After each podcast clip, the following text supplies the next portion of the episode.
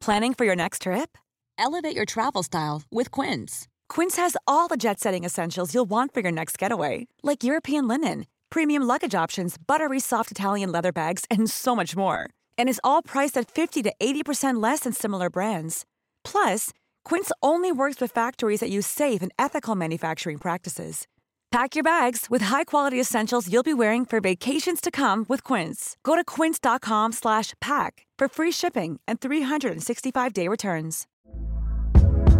Hey there, it's Michelle Norris. I'm host of a podcast called Your Mama's Kitchen. When I travel, I'm usually looking for a way to find a taste of home when I'm not at home. And one of the things I love to do when I am at home is entertain. And Airbnb allows me to do that. When I was in California recently, I rented a house that had a great kitchen. And when we were sitting around the table, we're all thinking, we're in someone else's house. Someone could be in all of our homes as well. If you have a home, but you're not always at home, you have an Airbnb. Your home might be worth more than you think. Find out how much at airbnb.com/slash host. Life is full of what ifs. Some awesome, like what if AI could fold your laundry? And some, well, less awesome, like what if you have unexpected medical costs? United Healthcare can help get you covered with Health Protector Guard fixed indemnity insurance plans. They supplement your primary plan to help you manage out of pocket costs. No deductibles, no enrollment periods, and especially no more what ifs. Visit uh1.com to find the Health Protector Guard plan for you. Vi har vært gjennom noe den forrige uka og eh, påfølgende helgen som gjør at vi er veldig godt egnet til å snakke om dagens tema, vil jeg faktisk si. Ja vel? Ja, Så hvis jeg eh, gulper, går i fare for å kaste opp, eller kanskje fiser, så vet dere at det er ikke frivillig. Vi har jo vært gjennom noroviruset. Der feis du! Nei, det gjorde jeg ikke. Vi har vært gjennom noroviruset. Jeg tror ikke det var norovirus. Nei, Hva var det da? Et eller annet annet eh, Hvorfor ikke noro? Nei, Det blir man dårligere av. Ja, Det kan du komme tilbake til. Jeg har i hvert fall vært dårligere enn deg. Og derfor så kommer det til å passe bra med dagens tema, men hva det er, det får dere jo vite om litt, da.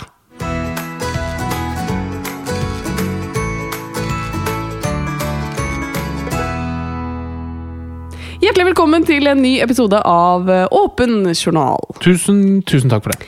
Det er jo naturlig å lure på hvorfor vi lever, og like naturlig er det å lure på hva som skjer når vi dør. Det finnes ikke noe sikkert svar, men her i dag så skal vi prøve å svare på hva som skjer i kroppen når man dør, hvordan man kan vite at døden nærmer seg, og hvordan man kan vurdere om en person er død eller ikke, for det er jo en leges oppgave. Det høres litt eh, mørkt ut, uh, syns du ikke? Jo.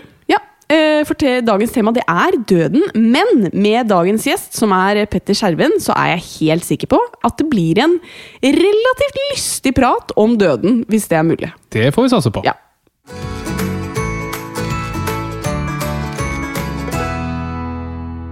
Som dere da kanskje har skjønt, så har vi vært gjennom en runde med omgangssjuke. Og jeg vil ikke si at vi bare har vært gjennom en runde, vi har blitt rammet av et nesten dødelig virus.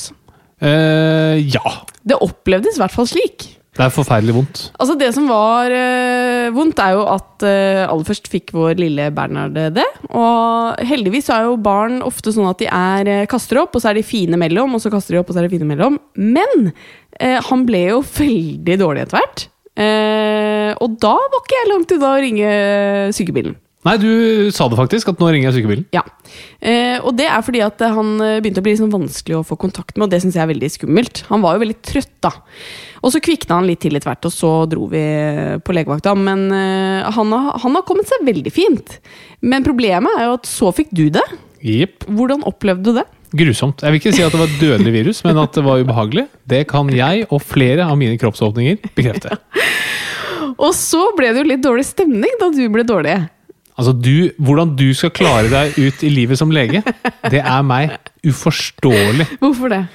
Fordi når jeg ligger der og har det på mitt vondeste, Ja. så klarer du å si Du, vet du hva, jeg, jeg må bare si det. At, husk på at det er minst like synd på meg, for jeg går rundt og gruer meg til å få dette her. Jeg sa ikke det, jeg sa Jo, sa Jeg skjønner at dette kan være litt irriterende å si, men jeg må bare si det. Og det var at jeg følte at det var jo en pining for meg òg å se hva du måtte gjennom For så bare vente på at jeg selvfølgelig også kom til å få det.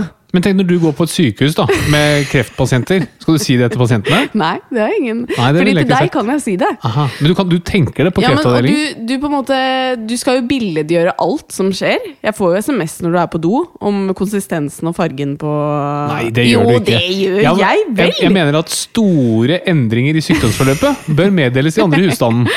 Så hvis den var fast og fin, så fikk jeg jo beskjed om det. Men kun skriftlig beskjed. Ja, eh, Men jeg fikk også beskjed når den var vandig. Ja. Ja. Og det, og så, eh, ikke sant, Da grua jeg meg veldig fælt, for jeg skjønte at jeg kommer jo ikke til å unngå dette nå. Eh, også fordi jeg har jo tatt enda bedre vare på Bernhard mens han har vært syk enn Har du du har. Eh, så jeg ble jo ramma, jeg òg. Bokstavelig talt. Bokstavelig talt. Eh, og det ble så ille at jeg klarte ikke å Jeg rakk ikke toalettet, heldigvis. Det var ikke nedover, men oppover. Eh, jeg rakk ikke toalettet, så vet du hva jeg spydde på? Nei. Misoni-teppet mitt! Misoni-teppet mitt! Jeg er glad du gjorde det, ikke jeg. Ja, det hadde jo klikka for meg. Men, Så nå eh, er det bæsj på Missoni-teppet? Nei, ikke bæsj, men oppkast. Men det er ganske kritisk. Eh, ja. Da skjønner folk hvor dårlig jeg har vært altså, hvis jeg har spydd på Misoni-teppet mitt. ja. Ehm, så det var, eh, det var tøft. Nå er vi heldigvis litt bedre. Det er vi absolutt, og vi sitter her i studio klare til å gi deg som hører på, nok en fantastisk episode av Åpen journal. Men det som er litt interessant, er at jeg da også denne uken, eh, før jeg ble rammet av eh, omgangsuken, eh, var på besøk i Janka og Marte sin podkast. Mm. Og de har jo ikke hatt noen gjest før de hadde meg. Nei. Jeg var deres første gjest. For de har da en sånn en gang i måneden en episode hvor de skal eh, få inn gjester, og så se om de kan bli venn med de, da. Mm. Nå er jeg venn med Marte fra før, men Janka kjenner jeg ikke så godt. Og det var veldig hyggelig, men eh, da måtte jo jeg tenke litt gjennom hvordan jeg er som venn. Ja. Og eh, det er ikke sånn man tenker på veldig ofte. Nei. Nei. Så jeg spurte en eh, venninne av meg som er veldig ærlig, om hun kunne Vilde. Vilde, ja. Eh, om hun kunne beskrive da, hvordan jeg er. ja. Vil du høre litt? Veldig gjerne. Og så må du tenke litt, for jeg kommer til å spørre deg hvordan du, du tror du er som venn etterpå. Ok. Ja. Eh, Vilde sier da i vennegjengen så er du den eh, du vil få til bords, og den du håper at skal holde tale. Det er jo veldig hyggelig, da. Hun vet det var deg hun skulle snakke om. Du er en veldig merkelig blanding av kul og laidback og superprippen og konservativ. Hvis noen på fest sier 'jeg har vært på en MDMA-tripp', så retter du deg stivt opp i ryggen, skyter nesa i været og vil ikke høre noe mer om den saken. Jeg har aldri prøvd MDMA, men jeg vil jo veldig gjerne høre historier om det. Men det blir liksom aldri noe av når du er i nærvær. Jeg tror, de fleste imponer- eh, jeg tror de fleste vil imponere deg, og at du er ganske toneangivende. Du bestemmer stemningen og meningen i et rom. Og i 99% av tilfellene så er den stemningen god. Mm. Det er veldig hyggelig. Det var veldig hyggelig. Så sa jeg minus, skrev jeg tilbake at dette var veldig hyggelig, minus den ene prosenten, men det kan jeg stå i. Og så sa jeg den ene prosenten handler om at du kan være litt snobbete og prippen, så du er kanskje ikke den man forteller det mørkeste til. Samtidig opplever jeg deg sjelden som dømmende, men du er nok veldig mye mer hvit riking enn du tror. Ja. Ja. Syns du dette stemmer? Eh, ja. Ja. Jeg, altså, jeg syns det var overraskende mye positivt. Så, Syns du? Ja, Ja, overraskende. overraskende mye. Hun legger også til at jeg er først på dansegulvet, ganske horete i stilen på dansegulvet, Hei, hei, hei. og superfrekk og sier på kanten ting som jeg ikke forstår helt selv, men veldig mange ting hun ler av da når jeg sier Ja, Hun er- ler for å være høflig. Ja. sikkert. Nei, men Det var jo Så- superpositivt. Det var jo veldig mye positivt. Ja. Eh, jeg tenker Det er veldig hyggelig å vite at jeg er toneangivende. Så liker jeg ikke helt at jeg på en måte kanskje ikke er helt sånn åpen for ting som jeg ikke liker. Nei, Jeg liker jo ikke MDMA. Eller jeg liker ikke folk som tar MDMA. det tror jeg du gjør. Jeg tror det er flere som tar den du tror. Ja, jeg, men jeg liker det ikke. Du liker ikke å høre om det? Jeg er konservativ. Ja. Eh, men da er jo spørsmålet hvordan er du som venn? Ja, Hvordan er jeg som venn? Nei, jeg jeg- er sikkert mange av de samme negative sidene som det du har. Tror, det er ikke så mange som kommer til meg med problemene sine. Og Nei, det- men det kan jeg fortelle deg hvorfor. Jeg får høre. Fordi at du er en sånn Mr. Fix-it-guy. Og det er en veldig god egenskap, men også litt dritt. Fordi jeg kan jo klage til deg noen ganger på ting. Eh, eksempel hvis jeg syns blodsukkeret er vanskelig å justere om dagen. Og da blir du veldig sånn Ok, men da bare gjør vi det sånn. Da lager du du-du-du-du-du, og så spiser du det og det og det, og så bare du-du-du-du-du, og så kutter du ut det. Sånn er du. Du skal alltid liksom bare fikse ting. Ja. Jo, men det man noen ganger trenger, hvis, som jeg kan tenke meg også hvis venner kommer til deg, er jo bare at man også kan si sånn Fy faen, så kjipt. ja. Jeg vet det. Jeg vet det, jeg, jeg mangler nok litt der, så der skal jeg prøve å bli mye flinkere. Ja. Vi må jo ha noe nytt fra studiebenken. Det må vi ha. Nei, vi må jo ikke det! Vi skal ha noe nytt. Sorry. Men jeg håper at du har Nei, det må være med. Sånt må være med. Har du noe nytt fra medisin denne Ja, uka? fordi det er egentlig din tur til å noe nytt fra studiebenken. Ja, men vet du hva? Jeg har vært sjuk og nesten ikke vært på skolen, så det er ikke så mye nytt å velge, velge fra. Nei vel. Men da kan jeg ta noe nytt fra medisinen. Veldig gjerne. Fordi det er jo Vi har vel snakket om det så vidt at det er en del eh, medisiner, nye medisiner som, eller for så vidt gamle medisiner som finner nye bruksområder. Ja. Og nå er det gjort en studie som ser på det smertestillende stoffet ketamin. Oi. Det er jo også, brukes jo en del av misbrukere også, men de har sett på det stoffet eh, hos folk som er suicidale. Oh, ja. Altså folk som har nylig prøvd å ta sitt eget liv, eller som er i en suicidal fase. Og gi de dette stoffet, denne medisinen, og da blir de mindre suicidale. ja, men er er det ikke bare sederende, da, liksom?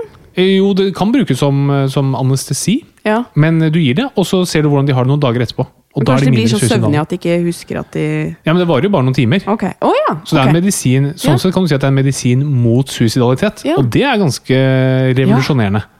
Men er det, det, det er vel som alltid medisinen. Det, det tar lang tid før det kan brukes på en måte på indikasjon. Ja, det kan du si. Det har vel fått indikasjon depresjon, ketamin nå. Så du kan gi det for um, Altså til pasienter som er deprimerte. deprimerte. Men, eh, men det at du Denne studien her gjør nok at det baner vei for at det på et tidspunkt vil bli mer eh, åpenhet og mer akseptert å bruke det mot eh, suicidalitet. Det er lovende. Så det er lovende. Alt som eh, gjør psykiatrien bedre, Ja. det er jeg veldig for. Det er jeg helt enig i. Godt å høre at det fins håp eller lys i tunnelen. Um, men vi skal jo egentlig inn i tunnelen, vi nå. Vi, nå skal vi inn i tunnelen. Inn i tunnelen. Det skal handle om døden.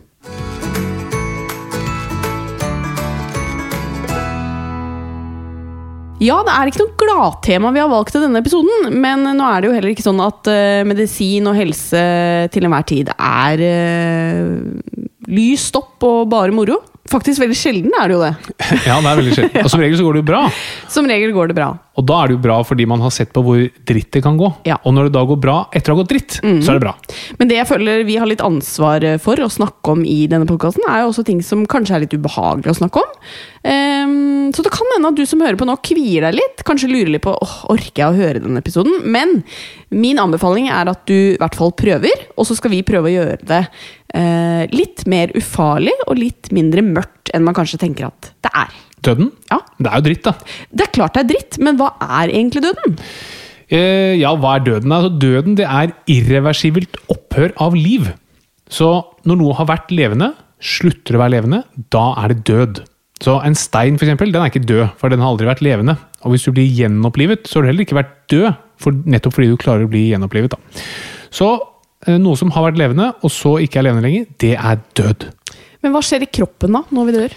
Altså, I kroppen så er det veldig mye som dør hver eneste dag. Vi har millioner av celler som dør, og masse, sikkert milliarder av bakterier som, som dør hver eneste dag. Men funksjonene i kroppen de opprettholdes jo allikevel. Fordi nye celler og nye bakterier kommer til å opprettholde funksjonene som også disse avdøde cellene og bakteriene har. eh, Den jobben de har gjort tidligere.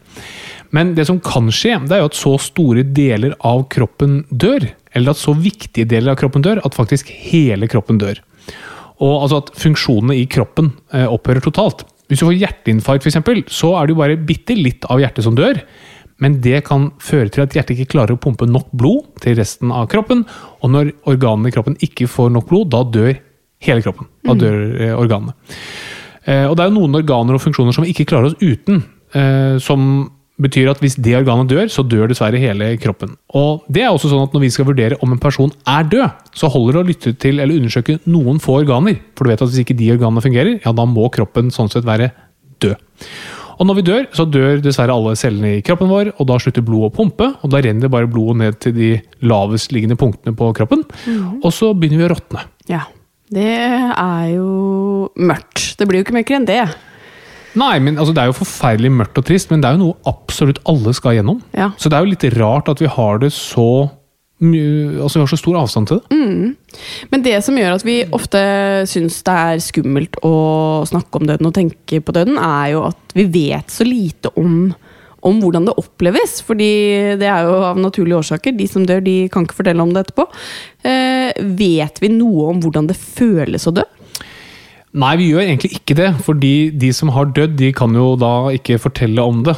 Um, men det finnes jo veldig mange nær døden-opplevelser som mange forteller mye om. Og det er jo stort sett positive og flotte beretninger, og som er liksom beroligende på oss som ikke har opplevd det ennå. Men jeg tror vi skal heller sammenligne med de som har kjørt veldig nærme et stup, og fortelle hvordan det føles. Og så prøver ut fra det å fortelle hvordan det er å faktisk kjøre utenfor stupet. Det er jo liksom umulig å, eh, å, å basert på det å nesten ha dødd, f- klare å skjønne hvordan det er å faktisk dø. Mm. Og så er det jo veldig forskjellig.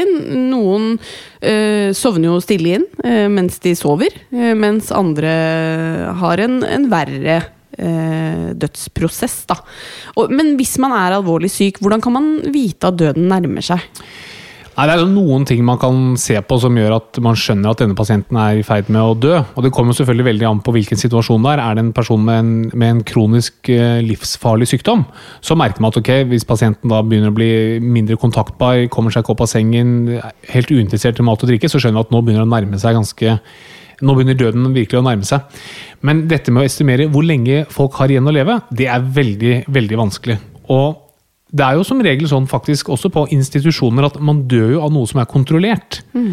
F.eks. dehydrering eller en overdose av smertestillende, eller at man ikke får mat og den type ting. Fordi alle med terminal sykdom, altså de som eh, har en sykdom, f.eks. En, en kreftsykdom som man ikke får helbredet, de får jo væske og næring man sørger for å holde i live, eller antibiotikabehandling hvis de får en infeksjon. Men på et tidspunkt så tenkte man at nå er det ikke fornuftig å gi mer mat, eller det er ikke vits å gi mer eh, drikke. Eh, Og da dør man jo faktisk av det. Du dør av dehydreringen, eller mangel på, på næring. Eller man, og det skjer nok ganske ofte, at man gir pasienten bevisst eller ubevisst litt mye smertestillende. Som gjør at pasienten slutter å puste. Og Ja, men det har du vel ikke lov til i Norge? Nei, ikke sant. Sånn at eh, altså sånn eh, Aktiv dødshjelp er ikke lov i Norge. Og jeg, jeg mener ikke at, at, dette, at det er aktiv dødshjelp som skjer, men husk på at eh, man vil jo alltid gjøre det som er antatt best for pasienten innenfor det gjeldende lovverket. Så hvis du har en uhelbredelig sykdom, er bevisstløs og ligger med smerter og hiver etter pusten, så er spørsmålet skal du gi litt for lite smertestillende så de har vondt, eller skal du gi nok smertestillende, men som også risikerer å gjøre at de ikke puster nok. Da. Og da vil jeg mene i hvert fall at i en del tilfeller så vil det heller være bedre å legge seg på litt mer smertestillende enn litt for lite. Men selv de som har uhelbredelig kreft med spredning, de dør veldig sjelden av kreften. De dør av en eller annen følgetilstand som, det, som man ikke klarer å behandle. Men da må vi bare klargjøre disse begrepene aktiv og passiv dødshjelp. Fordi et eksempel på aktiv ville jo vært at man ga et eller annet. Altså ga noen øh, bedøvende midler som gjør at man slutter å puste. Mens passiv dødshjelp, det er jo f.eks. hvis du slutter å gi mat og drikke, da.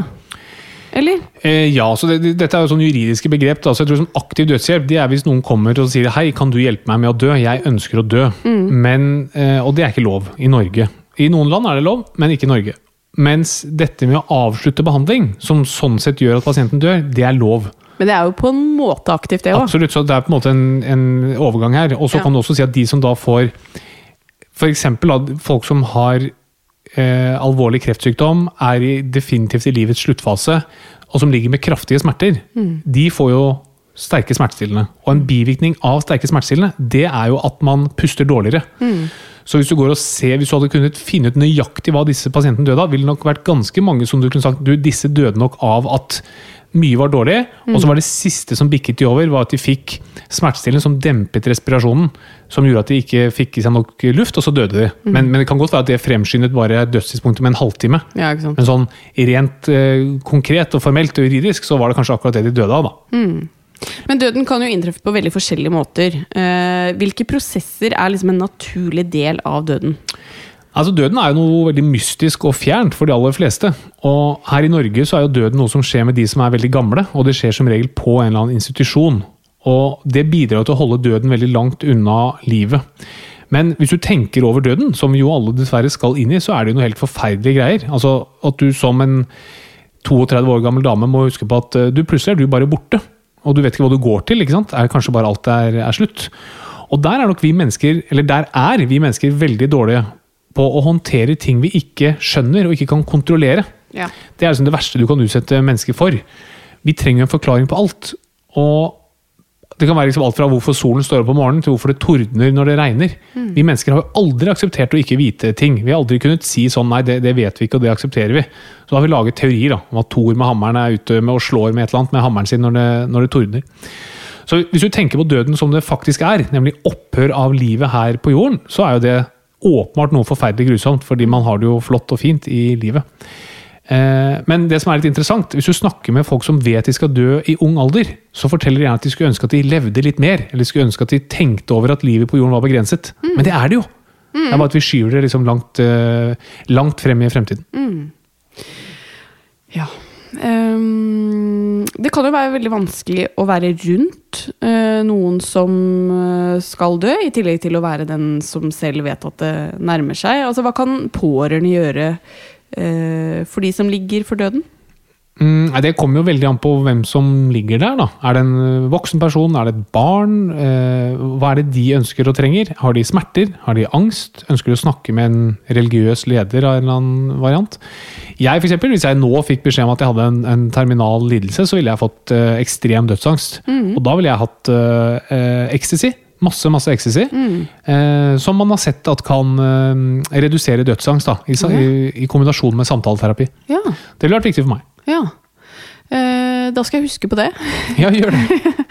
Eh, For det har jeg faktisk lest også, at det er viktig det at man snakker om døden, nettopp fordi at øh, ja, Havner man i de situasjonene, så er det fint å ha snakket litt om det på forhånd.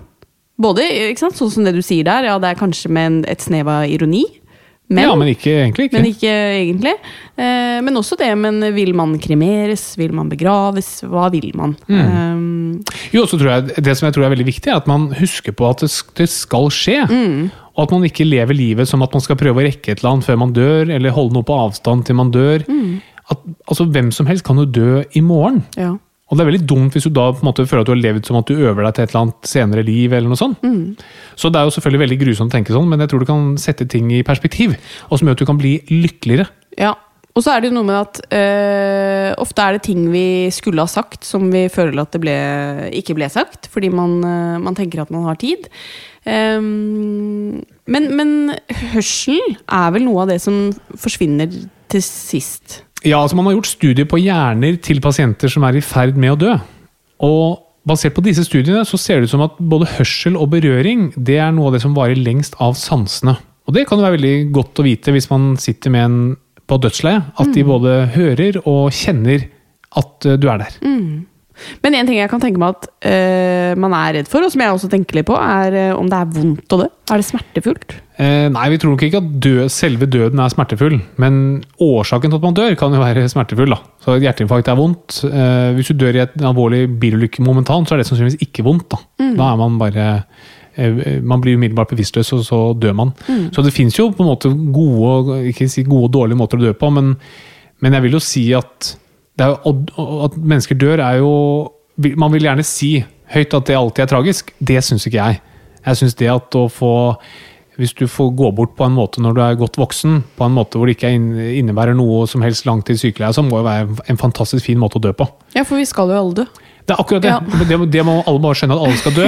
Alle skjønner at det er, det er selvfølgelig dumt at, at eh, besteforeldre og oldeforeldre er plutselig er borte. Det, er- det er jeg helt enig i, men Ja. det er et premiss som ligger til grunn uansett. Og når vi vet det, da tenker jeg det at er du godt voksen og kan dø i en fin situasjon eller uten eh, langvarig sykeleie, mye smerte, mye angst, tenk, tenker jeg personlig er en, en fantastisk måte å få dø på. Men en leges oppgave det er jo bl.a. å syne en som er død. Hva betyr det? Eh, nei, En syning det er en legeundersøkelse som, hvor man fastslår og attesterer at en person er død. Hvordan gjør man det, da? Mm, nei, da igjen så undersøker man enkelte organer og funksjoner. Og man lytter på hjertet i et eh, minutts tid for å se om man hører noe som helst hjerteslag. Og så lytter man på lungene for å høre om det er noe åndedrett. Så kjenner man på blodårer, ser at det er noe puls. Eh, og så undersøker man en refleks i øyet. Hvor man rett og slett dytter noe sånn forsiktig på øyet til pasienten for å se om det er noe refleks. da. Man har ganske sånn kraftig blunkerefleks som eh, vanligvis skal være der. Og hvis, hvis man da ikke hører noe hjerteslag, man hører ikke noe åndedrett, det er ikke noe puls, og, og den refleksen på øyet er borte, da kan man si at pasienten er død.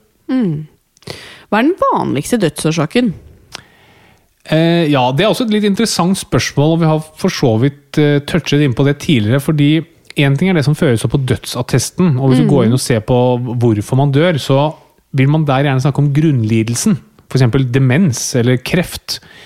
Men det som fører til at du faktisk dør, det er jo ikke demensen eller kreften, men det er en eller annen følgetilstand.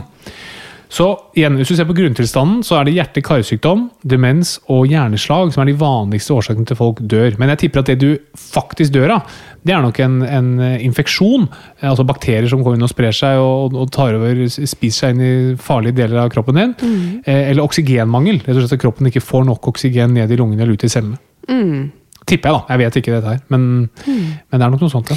Men hvis da legen har kommet fram til at eh, personen er død, så kan jo pårørende få spørsmål om de ønsker å se den avdøde. Og det kan jo være litt sånn vanskelig å ta stilling til, eh, også hvis man har barn med i bildet. Hva taler for og imot å gjøre det? Nei, Noen ønsker jo å ta farvel med den avdøde. altså Både å ta på de og kanskje klemme på de og, og få liksom snakke til de. Eh, og så er det noen som ikke ønsker å ødelegge de fine minnene man hadde fra da personen var i live. Jeg tror begge deler er akkurat like bra. Eh, man må bare finne ut hva som er riktig for en selv. da. Når det kommer til barn og sånn, så må man jo selvfølgelig tilpasse det til hvor gammelt eh, barnet er, men det kan også være lurt å rådføre seg med noen, så ikke man risikerer at barnet tar en avgjørelse som de egentlig ikke er i stand til å forstå konsekvensen av. Ja, nei, nå, nå syns jeg det begynner å bli litt trist stemning her, så jeg syns vi snart skal få inn gjesten for å lette litt på den, Ja, Ja, vi må nok det. Ja.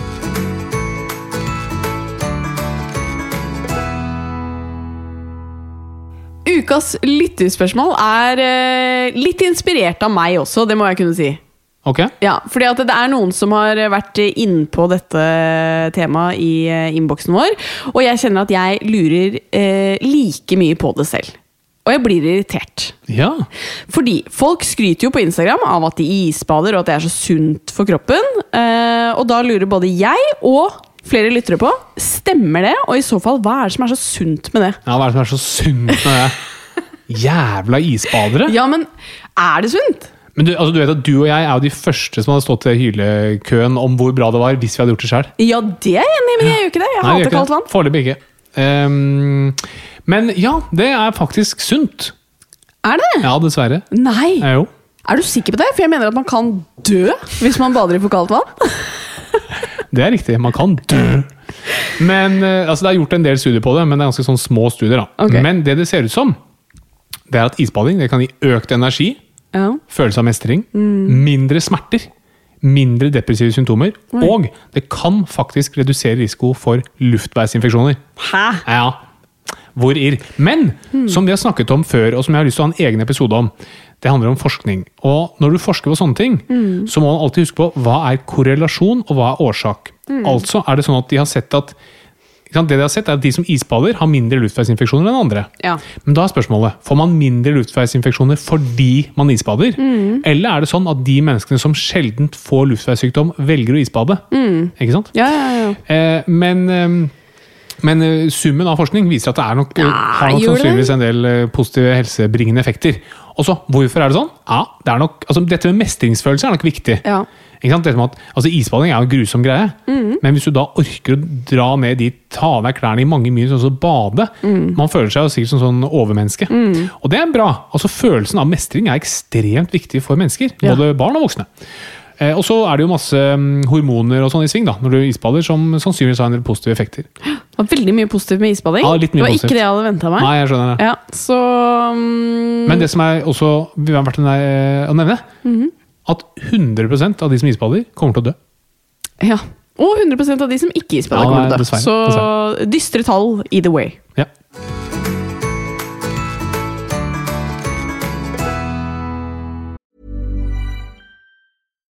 Here's a cool fact a crocodile can't stick out its tongue. Another cool fact you can get short term health insurance for a month or just under a year in some states. United Healthcare short term insurance plans are designed for people who are between jobs, coming off their parents' plan, or turning a side hustle into a full time gig. Underwritten by Golden Rule Insurance Company, they offer flexible, budget friendly coverage with access to a nationwide network of doctors and hospitals. Get more cool facts about United Healthcare short term plans at uh1.com. When you're ready to pop the question, the last thing you want to do is second guess the ring. At Bluenile.com, you can design a one of a kind ring with the ease and convenience of shopping online. Choose your diamond and setting. When you find the one, you'll get it delivered right to your door. Go to Bluenile.com and use promo code LISTEN to get $50 off your purchase of $500 or more. That's code LISTEN at Bluenile.com for $50 off your purchase. Bluenile.com code LISTEN. Hey, I'm Ryan Reynolds. At Mint Mobile, we like to do the opposite of what Big Wireless does. They charge you a lot, we charge you a little. So naturally, when they announced they'd be raising their prices due to inflation, we decided to deflate our prices due to not hating you.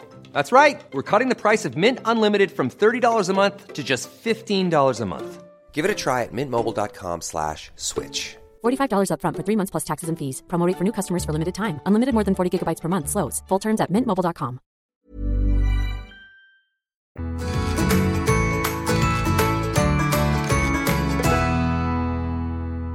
Og til å snakke om dagens gladtema døden, så har vi fått inn deg, Petter Skjerven. Ja, så hyggelig, da. Er det, det var derfor jeg ble Ja, takk for det. Vi vil gi døden et ansikt. Ja, ja nei, men det, er- det, det her ble fint, det. Ja. Det er jo mye gøy rundt død. Ja, er det det? Nei. Nei. Det er mest dritt. Det er mest dritt, ja.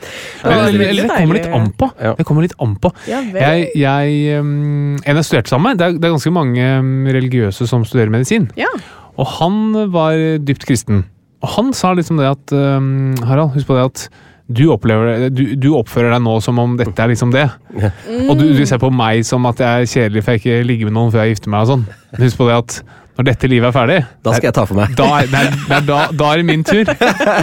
oh, det er Men det er, så, nydelig det er jo så trist å egentlig, ja, men jo, men det er litt trist å tenke på at du skal leve et helt liv før du kan leve det ordentlig gøye livet. Ja, og det er ikke sikkert at du Nei, får det er ikke heller. sikkert heller, vet du. Nei, det, er, det er jo litt det, da. Ikke sant? Hvor sikkert er det der? Men, ja. men jeg tror jo samtidig de- ga nok han en veldig tilfredshet også i dette livet. Å vite, liksom Bare gå og glede seg til noe. Ja. Glede seg til å dø, ikke sant? Um, men før, før Vi skal ikke gå rett inn i døden, Petter. Vi skal gå litt rundt grøten. Ja, litt rundt døden, Ja. som man også kan si. Mhm. Ja. Eh, så jeg vil heller høre litt Hvordan står det til med deg om dagen? Ja, skal vi, ja, ja, jeg vi kan snakke om døden etterpå, da. Ja. vi- ja, ja. Eh, jo, du, det, det nærmer meg døden, jeg, da, som alle andre. Det er jo, sånn er det bare. Det er jo ingen som går motsatt vei, har hørt. Nei. Nei, tenk det.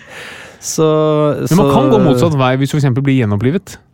Ja, det, du det, er, det er et godt poeng. Hvis du faktisk Ja. har vært sånn død, ligget under vann, mm. falt om på en fotballbane, og så kommer det en sånn lege med sånn hjertestarter. Yes. Ja. Da går det andre veien. Men, Nei, men du altså, jeg er nok bare med døden. Det er nok Uh, Så er, det er jo lite å gjøre for oss som driver i underholdningsbransjen om dagen. Ja. Det er jo en sånn uh, merkelig tid. Jeg hadde litt blaff av eh, masse gøy og moro i oktober-november, var det vel, og så var det brått ned igjen. Mm. Ja. Men det er mye sånt eh, mye, det, er, ja, det er mye idéjobbing, konseptutvikling. Eh, bokprosjekter. Eh, Så har vi en podkast som eh, går en gang hver dag, som heter Dagen i dag. Som, som vi lager og koser oss med. Ja. Som folk må høre på. Ja. Det er liksom alt som handler om datoen i dag. Da. Det går hver eneste dag. Det, må, det, det er jo faktisk noe å drive med om dagen, da. Har du sett noe mønster i Er det noen Jeg, jeg mener jeg leste en studie en gang som viser at det faktisk skjer mer ulykker f.eks. når det er fullmåne. Å ja. Har du Og sett folk noe Nei, jeg har ikke sett noe er statistikk. Er det Mm. Er det altså Gravitasjonskrefter påvirker oss på et eller annet vis? da? Ja, jeg, jeg tipper det bare er tilfeldighet. For Ja. eksempel, Hvis du ser lottotall, så finnes det noen tall som trekkes oftere enn de andre. Tolv, blant annet, har jeg hørt. Ja, og 12 og 18, tror jeg. 12 er jeg på, 12 og 18 har jeg på lista mi! Jeg har det. Ja! Har du vunnet, da? Nei! Nei, ikke sant? Men det Men da, kommer. når du vinner, da, så er det veldig mange som har det. Da, kanskje. Ja, faen. Så jeg tror det bare er tilfeldigheter. Men, Ja, eh, Fordi noen tall må jo trekkes ofte. Jeg er nok også en sånn tilfeldighetenes mann, altså. Tror mest på det. Ja. Tror mest på det. Sannsynlighet og tilfeldigheter er gøy. Det er veldig gøy å tenke på at liksom, noe kommer til å gjenta seg en eller annen gang. Akkurat på samme måten. Ja. Bare Ja. hvis man tar uendeligheten til hjelp. Akkurat. Ja. Det er, det, akkurat det er veldig interessant. Og sånn blir jeg Noen, litt noen kommer til å skrive et dukkehjem om igjen. Mm. Ordrett. Ja. Ja, men hvis du, tar, altså hvis du virkelig, tar sannsynlighet og uendelighet på alvor, Ja. så på et eller annet tidspunkt så er det noen som kommer til å skrive Ibsens Et ukehjem om igjen. Akkurat nøyaktig likt. Nei. Jo. Ja, det er mye Og det er sånn som får deg til å tenke. Ja, Det det, er litt uh, Da blir det mørkt hos meg. Da blir det mørkt. Det kjente jeg. Uh, men uh, hvordan står det til med helsa di, da? Er den god? Ja, det, jo, takk som spør. Eh, nei, jo, det var, jeg var jo veldig frisk og rask etter 71 grader nord-innsatsen Ja. min i, i, i mai i fjor. Eh, da var det på, da pika det. Ja. Men jeg har jo ikke vært Jeg er jo ikke noen helsefyr, egentlig. Nei. Altså, jeg, jeg, har jo øh, Jeg har jo klart å gjennomføre Forsvarets befalsskole og sånn, gjort noen sånne strabasiøse ting i livet. Ja. Men øh, jeg, jeg, trener jo ikke, for eksempel. Aldri. Nei, altså jeg, men jeg, liker å gå på langrenn. Ja. Det syns jeg er kjempeålreit. Så Det når det trening. finnes Ja, ja, absolutt. Ja. Når det er sesong for det, så hiver jeg meg ut på, på egen fri aleine ut i skauen og går på ski. Ja. Jeg liker å sykle, og jeg liker å spille tennis. Jeg liker å stå på slalåm. Jeg liker å gå på skøyter. Eh, Så det må, det må være noe jeg liker, og da er det veldig mange av disse øvelsene er knyttet til sne eller is. og den sesongen har blitt kortere og kortere. men, men, eh, men jeg er ikke noe sånn som er systematisk. Ikke noe, jeg er ikke noe sånn eh, medlem på noen sånn helsestudio eller noe sånt. Du slår, meg som en, du slår meg som en fyr som går på treski. Gjør du det? Ja, det er ikke langt unna. Og sånne svære staver Ja, med med sånn kjempetrinser. Ja. Nei, jeg gikk, jeg gikk aktivt langrenn til jeg var 14, faktisk. Så jeg har, eh, jeg har sansen for at utstyret er litt ålreit. Men jeg har ikke kjøpt noen sånn skøyteski eller noe sånt. Jeg går nei. på noe Matthus Smørefri, da? Nei, jeg har, jeg har et par sånne nullski. Ja. rubberski? Nei, ja, som er sånn finfin fin, sånn pels under, holdt jeg på å si. Som er, takler nullføre. ja. Ellers har jeg bare Matshus Nordmarka. De er 16-17 år gamle. Men, nei, da. eh, nei, så jeg, nei, nei, men eh, så, Det er ikke noe systematikk i det, men jeg er en fyr som beveger meg ganske mye. Vi har et stort hus og en stor hage, og jeg driver og surrer med ting. Ja. Så jeg er liksom ikke sånn som blir sittende veldig stille veldig lenge. Har du så stort hus at det er nok trening bare i å bevege deg? Det er noen huset? trapper her, altså. Oh, ja, det det er det. er det. Det, er mange så- det må jo da, Hvis det er fra kjelleren til første første tann, det, er- altså, det, er en, eh, det er noen høydemeter, da. Oi. Det blir noen trapper der. Bor han i et slott, Så eller? det er en gammel det er sveitser- gammel sveitservilla. Det er sånn loft i tillegg. Ja. Oi! Ja, ja. Nei, men det er jo det er mye, mye jeg, jeg er jo en sånn fyr som har litt sånn lopper i blod. Ja. Eh, så jeg kommer alltid på et eller annet humør, og da må jeg ned og gjøre det. Og så fikse det, og så opp igjen, og så Ja. Så det er eh, Det er treningen, det. Det er, det er i hvert fall bevegelse i det. Eh, og så er det først eh, når jeg skal gjøre sånne veldig konsentrerte ting, at det, da, det, det må jeg gjøre om natten. For ellers så har jeg altfor mye å gjøre. Andre ting. hvis du skjønner det. Så jeg har, jeg har litt sånn mini ja, Det er lopper i blod. Man heter kanskje ADHD nå, men jeg har litt sånn Ja. Jeg må gjøre noe. Sitte og kjede seg. Det er trøbbel. Ja, hva gjør du på natta? hvis du skal, hva er et eksempel på ting du fikser på natta? Skriving. Hvis jeg skriver, holder på med bokprosjekter, oh. eksempel, sitter og skriver, da skriver jeg hele natten. Sitter jeg sånn eh, fra klokka åtte-ni-ti om kvelden til åtte-ni om morgenen. Oi! Oi! Ja, det har, gjort veldig, det har vært veldig suksess for meg. Ja! Skrive bare hele natta, rett og slett. Du er mest Helt stille. kreativ da? Ja. Ja. Og høre på musikk, litt, gjerne litt sånn støyende musikk, og så skrive om det hele natta. Inter Hva skriver du om nå? Ja, nå, har vi, nå er det tre bokprosjekter på gang, og der må jeg være litt uh, hemmelighetsfull foreløpig. Men, eh, men, eh, ja. Er det sakprosa, eller er det fiksjon? Ja, da, det er sakprosa. Um, Nei, men jo, poenget mitt er at jeg var Jeg har jo også da eh, nådde jo et punkt, eller straks en bunnpunkt på, helsemessig da jeg går til fastlegen fast og har sånn ordentlig fullsjekk hvert år og sånn. Eh, og, så, og så fikk jeg sånn eh, Jeg går på Han tvinger alltid opp på vekta. Ja, ja. ja, og så vekta. Ja. ja, shit. Og da var jeg på 96 kilo tung. Og, da, og så sa han bare sånn og Jeg tenkte, oh, fuck. Og så sa han bare Ja, ja men det er i hvert fall ikke tresifra. Han kjemper sånn, sånn psykologisk. Veldig, bra. det er ikke tresifra.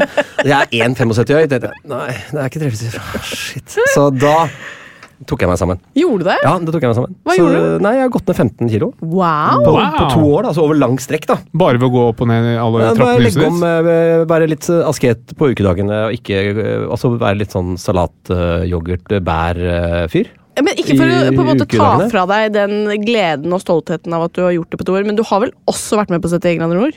Jo, men det, da eh, datt da kanskje bare to-tre kilo på, på liksom, eh, fallrepet der. Okay. Så da var jeg under 80 for første gang på siden barneskolen. Ja, men Så- Da er det jo veldig imponerende. Hvis Ja, ikke det, for jeg tenkte at det var eh, litt, så jeg, jeg har, så jeg gjør Ukedagene er litt sånn harde, beinharde, og så helgene er helt frislipp. Koser du deg? Ja, bare kos. Ja. Og det funker, altså. Der ligger jeg ganske jevnt på en sånn helt ålreit decent vekt. Ja. Så det, det, og da fikk jeg eh, Da fikk jeg skryt. Fikk du gave av fastlegen? Nei, fikk eh, brev Skal jeg ta med? Fikk eh, på sånn pasient, pasientpost. Ja. Nei, så fantastisk! Uh, hei, Petter V20. Den, den sunne. Nei, er det sånn? Ja. Nå er det, jul, eh, nå er det jubeltilstand. Bare flotte blodprøver. Ingen økte leverenzym. Flott, lavt kolesterol. Bra med jern og vitaminer.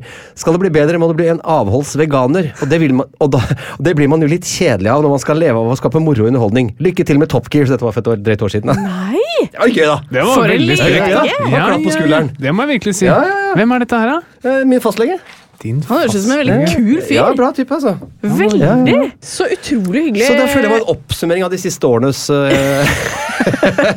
Ja, fordi avholds veganer, det vil man kanskje helst ikke være. Det er veldig morsomt at han bruker sånn Ja, skal, Da må det bli liksom altså, Det var litt sånn klapp på skulderen. Men, uh, men altså, herregud, jeg, jeg elsker jo å kose meg. Ja, Så det, jeg må være litt uh, streng da, ja. for å holde det regimet ved like. Hvordan er det med alkohol på ukedager, eksempel? Nei, ikke noe. Ingenting? Nei. Er det nytt? Nei, det, er, har, nei, egentlig ikke så veldig nytt. Men det har vært eh, Det var jo altså, en periode, særlig i den TV-bransjen vår, så hva er jo, særlig høsten, er jo helt fjollete mye markeringer og fester. Og i før korona, så Ja, var det liksom lanseringsfest og premierefest og avslutningsfest og samlingsfest og høstlansering og Ja. Hvordan, altså, Og det er på jeg synes tirsdager er- ofte. og- Ja, torsdag, tirsdag, Ja. altså onsdag, midt i uka. Og jeg elsker jo å kose meg, så jeg, jeg går jo ikke hjem da. Jeg er hjemme klokka fire om morgenen. jeg. Ja, ikke sant, du er sist. jeg er. Ja, ja, Ja. Jeg, jeg, jeg har lakenskrekk. Ja. Jeg og Thomas eh, Numme vi er sist eh, ut av, ut av lokalet. Men hvor mange timer søvn trenger du? Vet du hva, jeg liksom, Fram til jeg var 40, så hadde jeg som snitt der på fem-seks timer. Eh, men nå, nå kan jeg tillate meg sju. Ja. Ja. Jeg hadde en sånn, altså Fram til jeg var 30, så var jeg, må jeg nesten ha vært kategorisert som hyperaktiv. Altså Jeg gjorde så mye forskjellig. Oppå hverandre samtidig. Jeg, jeg studerte jo, og jeg eh, kjørte buss og kjørte taxi. Jeg, jeg varmet opp publikum for far din på kasino. Det? Ja, ja, ja, jeg jobbet på TV Norge. Jeg varmet opp eh, publikum som var med på kasino. eh, På fredagskveldene. Hvordan var han å jobbe med? Veldig gøy. veldig kult. Og jeg kjente jo Birgitte Mode opp i gata hos meg. Så jeg kjente Birgitte Seifert fra før. Vi var Det jo er naboer. Så, så jeg jobbet, der var jeg jobba i TV Norge. Jeg eh, har satt opp revyer, amatørrevyer. 15 i slaget til slutt. Altså jeg var, og begynte å jobbe i radiobyrå og lagde radioreklame.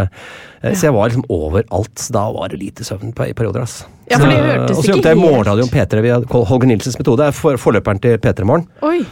Eh, Det, da var jeg jo, bodde jeg på Gran i tillegg, på Hadeland. Da sto jeg, klokka, nei, jeg sto opp 03.20.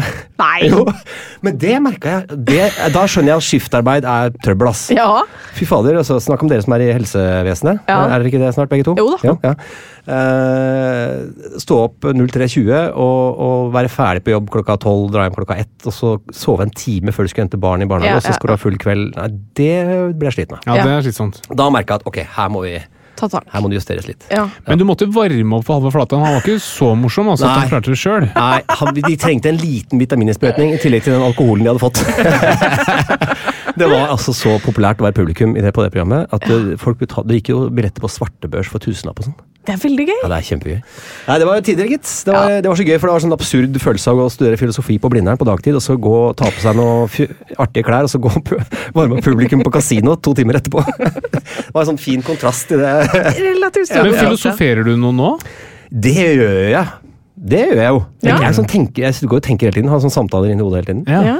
Um, så vi kan, Om døden, for eksempel. Er jo, hvis vi først er inne på det, så For det er akkurat ja, ja. det. fordi jeg ja. tror Hvis du skal få noen gode råd om døden, da burde kanskje en filosof være ganske tett opp til optimal eh, rådgivningstjeneste. Ja, så, så er jo jeg da ca. seks års studier unna filosof, men, uh, men ett år har jeg på Blindern. Ja, ja, det er mer enn oss.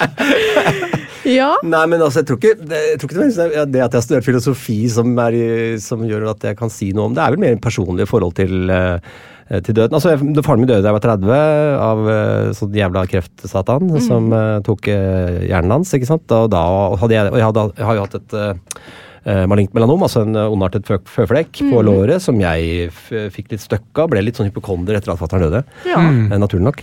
Men Var det i Eh, forbindelse med at han døde at du fikk sjekket føflekken? Nei, det var, det var jævlig corny. Bare noen måneder før han ble dårlig. Oh, ja. Så han, han, fikk jo, han fikk jo først et slag. Uh, mistet språk og hele pakka og førighet og alt. Kjempedramatisk. Og så var det f først uh, når vi, hadde fått, vi var på vei til Sunnaas. Eh, satt, jeg sto på den der rund, rundkjøringa på bygg 3 på Ullevål eh, og skulle hente ut fattern der. Jeg er Pål, broderen, og Erik, uh, minstebror. Og så går vi ut, faderen inn i forsetet, og så kommer en sykepleier ut og sier stopp, stopp, stopp. stopp. Nei. Og så kom vi inn, og så fikk han dødsdommen. Altså, Så svulsten. De brukte mange måneder på å se at det var en svulst der. Jeg synes det var rart. Men hvor gammel var han da dette skjedde? 57. Ja, det er en ung. 57, ja. Jeg er 54. Mm. Dun, dun, dunk. Ja Det er jo sånn man får man blir, jeg blir, sånn, eh, sånn sett så tenker jeg jo mye på det om dagen, da. Og så og så er det jo skummelt med korona. Liksom. Altfor mye tid, tid til å tenke, vet du. Ja. Mm. mm, Men du virker jo ikke som en fyr som er redd for å snakke om døden. Nei, nei, det er jeg ikke. Nei. Nei. Eh, nei, på ingen måte. Men det er klart eh, så, så Norun, nei, Jeg og Norun, min kone, vi, vi, har mer sånn, vi sitter jo hver fredag på, foran peisen på kjøkkenet og spiser sushi.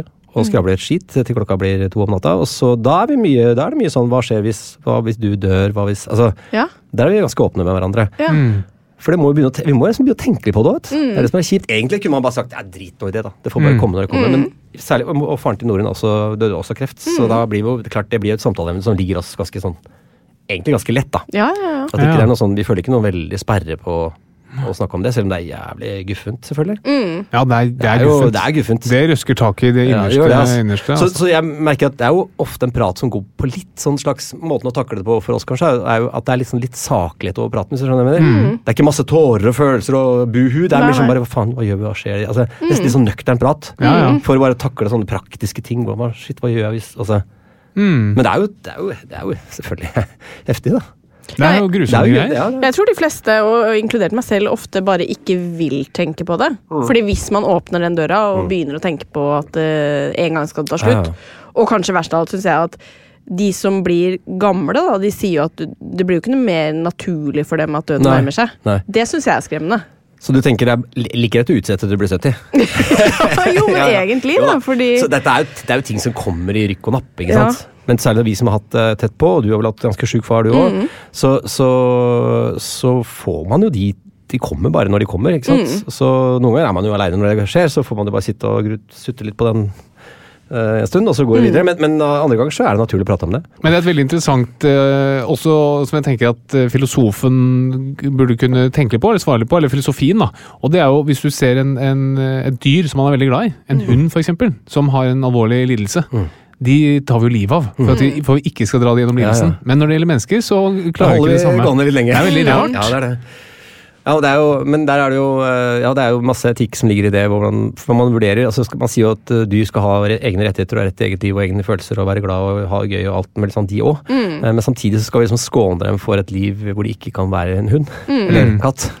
Eh, samtidig som vi putter mennesker i et, på et eller annet hjem, en institusjon, og holder dem i live med respiratorer og, ja, og alskens mulige maskiner for å det, ja, nei, det, er, Det er et lite paradoks det er- det er et tankekors, det er tankekors. Og det er klart, filosofien er jo ekstremt opptatt av eh, altså, Veldig mye filosofi var jo religiøs. Altså, Det var ikke te tenkbart før i dette århundret omtrent, eller forrige århundre, at man skulle liksom løsrive filosofien fra religion. Så alle, alle store filosofer har jo et eller annet gudsbevis. Ja, ikke sant. Ja. De skal på en måte komme til, ja, men hvordan, For de tenker seg jo i hjel, ned i en grøft, og så tenker de det er ikke mulig at Gud fins. Hvis alt dette kan stemme. Jeg har tenkt meg fram til at Gud ikke fins.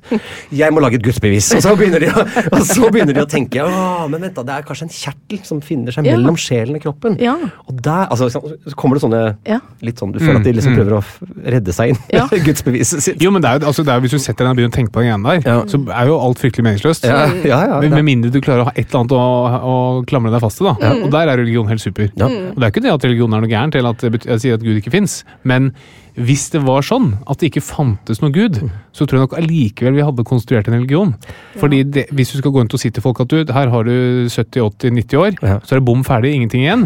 Du hadde, folk hadde jo gått Mista, av hektene. folk hadde mista litt eh, motet. Litt piffen. er ikke? Jeg tror det mye av piffen hadde Eller forsvunnet. peppen, som faller seg. Men altså, det, er, vel- er, det er vel eh, mange av de som hører på dette nå, som er religiøse. Så mm. man må jo selvfølgelig ha respekt for det. Og jeg, det mener jeg virkelig. Jeg, jeg skal jo ikke ta fra noen troen. Jeg bare, jeg har bare kommet til en annen konklusjon selv. Ja, det, det er veldig viktig. Jeg prøver ikke å tråkke på noen tærne. Nei, nei, absolutt. Men det tror jeg faktisk ikke vi gjør. Fordi Nei, at uh, vi sier jo egentlig at eh, jeg veldig gjerne skulle hatt den evnen til å Ja, se. Norge er jo et relativt sekulært eh, samfunn, så det er vel ikke, noen, det er vel ikke en ny tanke vi bringer til torgs. Nei, jeg tror ikke det. Men jeg var på utdrikningslag med en prest en gang, Ja. for ikke så lenge siden. Ja. Og da, han var en sånn kul type, så han Ja. utfordret deg litt. Grann, da. Ja. Han var utfordret på en positiv måte. Så Ja. sa jeg sånn Vet du at Gud fins? sa jeg. Ja, så sa han nei, selvfølgelig gjør jeg ikke det. Fordi det handler om tro. Ja. Hadde, hvis, og der det er tro, der er det også tvil. Mm. Og, og den balansen her, Det var veldig interessant. Men altså, som jeg, Ved å tro på dette og være en del av det, så opplever jeg at jeg har det bedre. Og jeg, Han tror at Gud fins, men han vet selvfølgelig ikke. Nei. Sier han da. Nei. Det var interessant. Nei, det jo- Jeg tror, jeg tror eh, veldig mange kristne, religiøse, sitter nettopp med den muligheten for at de faktisk eh, har bomma, eller at, Jo, jo, men altså man er nødt til å tenke på det. Men jeg, hvis, jeg hadde fått en, det jeg på, hvis jeg hadde fått en dødsdiagnose nå, da altså, vi, vi lever jo alle med en dødsdiagnose, ikke sant? Vi, som en underviser sa til meg en gang, vi lever alle i palliativ fase. Altså, vi skal ja, alle liksom sier vi er på vei bare mot døden, alle sammen. ja. Men hvis jeg hadde fått vite at, si at jeg hadde et år et halvt år igjen Det første jeg hadde ringt, var en, var en prest, sannsynligvis. Ja. Og jeg ville, hatt, jeg ville ikke hatt en prest som åpna opp for tvil. Nei, Nei. Jeg hadde, jeg hadde ringt 10-15 stykker og sagt sånn Hei, vet du at Gud fins? Og så hadde jeg lagt på åsen, og så en sa sa, Ja, jeg vet det! Du kommer hit med en gang, vi må ta en prat. Har du en bok jeg kan lese? Nei, men det er veldig sant. Altså, jeg er heller ikke kristen, men da pappa lå på Rikshospitalet i tre måneder, så gikk vi jo ned i det kapellet. Mm. Men det var mer ikke sant? Du, du har jo ingenting Altså, du har ikke noe å tape på det, tenkte jeg. å, å skrive en lapp og legge den i veggen der og håpe at det går? nei, på en måte? jeg, jeg, jeg har jo veldig jeg, sansen for Jeg liker jo godt uh, religiøse rom. altså Kirkerommet, Mm. å være inne i en kirke. eh, den roen som finnes der. eh, du skjønner at det er et sted du kan måtte, tenke og, Mm. og gruble og eventuelt føle og ja, kjenne på ting. da. Det er jo sånn, sånne Og det er klart det, og det, også kirkegårder. og det er, sånne, det er noen sånne ting vi har, er vokst opp med og vært i, som jeg tror faktisk eh, vi setter pris på, selv om ikke vi er nødvendigvis eh, kristne, da. Eller ja, mm, det er religiøs. Men døden kan være mørkt, men jeg håper at quizen er lys. Er det lov å si? Eh, Det er lov å si, ja. Ja? Var det fint sagt? Eh, Det var Er det er det quiz-tid? Er det det der nå? Nå kjører vi quiz. Oi, oi, oi. Og med oss i dag så har vi en Jeg vil ikke si ekspert på døden, men vi vil ikke egentlig ikke si ekspert på noe som helst, men vi har med Katarina Flatland. Takk for den hyggelige Og så har vi med en som kanskje er ekspert på veldig mye, men eh, kanskje Jeg kaller meg generalist. Generalist, Ja, det var en veldig skjev fordeling i skryt her. ja. men det, skryt plasseres der det plasseres skal og bør. Nettopp. Eh, vi starter med deg, Petter. Hvor mange mennesker dør hver dag? I verden, i Europa, i Norge, i fylket, i, verden. i, ver Hvor mange I mennesker dør i verden hver dag? Oi, oi, oi, oi, oi. Skal vi satse på det her, da? Uh, jeg må si 200 millioner. 203 millioner. Det var veldig mange. Ja. Ehm, nei, det kan ikke være så mange. 100 millioner. Altså Hvis du dør 200 millioner hver dag, så betyr det at i løpet av fem I løpet av en måned så er hele verdens befolkning død, da. Nei, men det fødes jo like mange, selvfølgelig. Eh, ja, ok. Vi snakker jo ikke, vi snakker brutto her nå, vi snakker ikke netto. døds- Nei, jeg skjønner det. Jeg skjønner, men det blir veldig høy turnover, da. Fordi Det på en måned så har du turnover på alle. Nei, ikke på alle, er det? Jo, fordi 200 millioner, så på fem dager så er det 1 milliard som er død. Ja, sånn. Og så Så er ganger det ganger sju. Ja. Så, Ok, men, det var litt, det var litt lystert dystert estimat fra oss. riktig svar er 165 000. Å ja, ikke mer! ikke mer, er det? Nei, ikke Det var jo gladsak. Ja, fy faen, Ja, det er jeg dagens glad. glad, Og poeng til deg! Ja. Og poenget til det. Ja, faktisk. yes. Katarina, hvor mange mennesker er det som ikke dør hver dag? Altså eh, Det er jo da Du sa 160 eller 140? eller? 160 000, 165 000 Da som dør. er det 6 milliarder minus 160 000. Og hva 5, er det? milli 5 milliarder og 5 milliarder 700 og Faen, altså! 5 milliarder 840 000. Da sier jeg seks Seks Jeg bare sier seks milliarder, for det er vel syv milliarder på klonen, er det ikke det? Eh, ja, det er faktisk eh, nesten 8 milliarder. Så, Ja, så, der vant jeg, da. Så, er det 8 milliarder. så der vant du. Det er likt igjen. Hvordan er du på subtraksjon, sub- subtraksjon eh, Flatland? Nei, det, det ble litt uh, feil. Når du skal regne ut pilledosen på Da skal fru Hansen ha 9 milliarder eh, tabletter. Overlegent å sjekke. Da tar du 800 milligram uh, av Minus seks Petter, Ja. hvilken tilstand risikerer man hvis man er homofil, men aldri tør å si det offentlig? Hvilken, altså, hvilken tilstand? Altså At man er i skapet, er det det som er tilstanden? Eh, ok, Katarina. Hva sa du? I hvilken tilstand? Risikerer man hvis man er homofil, men aldri tør å si det offentlig? Altså aldri, aldri i løpet av livet. Nei, jeg vet ikke. At man skapdør. Og det er sånn ordspill! du må drite seg på det Ja, det er det. Det er Det er det. kalt det! Det er kalt det! Ja, Det er det. er det- det- Jeg syns ikke det var veldig gøy. Syns du ikke? Nei. Nei, du er bare bitter. Fordi... Han dør i skapet. Skapdør. Jo, ja, men ok. Eh, Katarina, hvor nøye kan et dødstidspunkt avgjøres basert på undersøkelser av et lik? Det er ganske nøye. Ok, få høre. Eh, I minutter. Eh, Petter. Nei, jeg kan ikke si sekunder. Det må syv, fire til syv minutter. Og Katarina? Vi må To til fem minutter. ah, Det er Petter som vinner. Det er, faktisk, det er noen timer. Nei!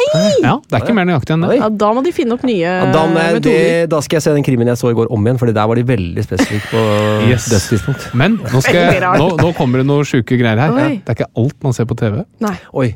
som ikke sant. stemmer virkelig. Jeg burde visst det, jeg jobber jo i TV. Ikke sant, det er akkurat det. Ikke alt det. Neste Er det 2-1? Da er det 2-1 til Petter. Ja. Eh, Petter, for å avgjøre dødstidspunktet til en pasient, så kan man vurdere elastisiteten i øynene. Hvor sendes øynene for en slik vurdering?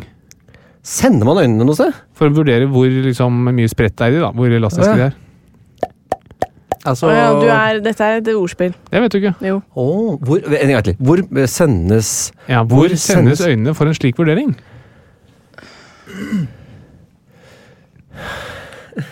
Jeg kommer ikke på noe ordspill på død og, og øyne. Til Sprettmedisinsk institutt.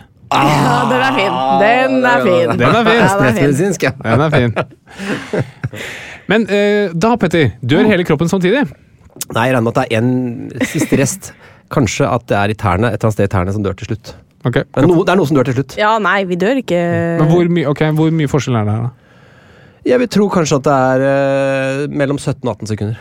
Å ja, nei, det er mye mer. Fordi hjernen kan jo dø, og så kan du jo ligge i på hjerte-lungemaskinen i mange, mange Ja, nå snakker vi om at du, snakker ikke om at du holder det ikke oh, ja, tekniske apparater i bruk. Okay. ja, ja, altså, hvis, hvis jeg liksom faller om nå, Ja.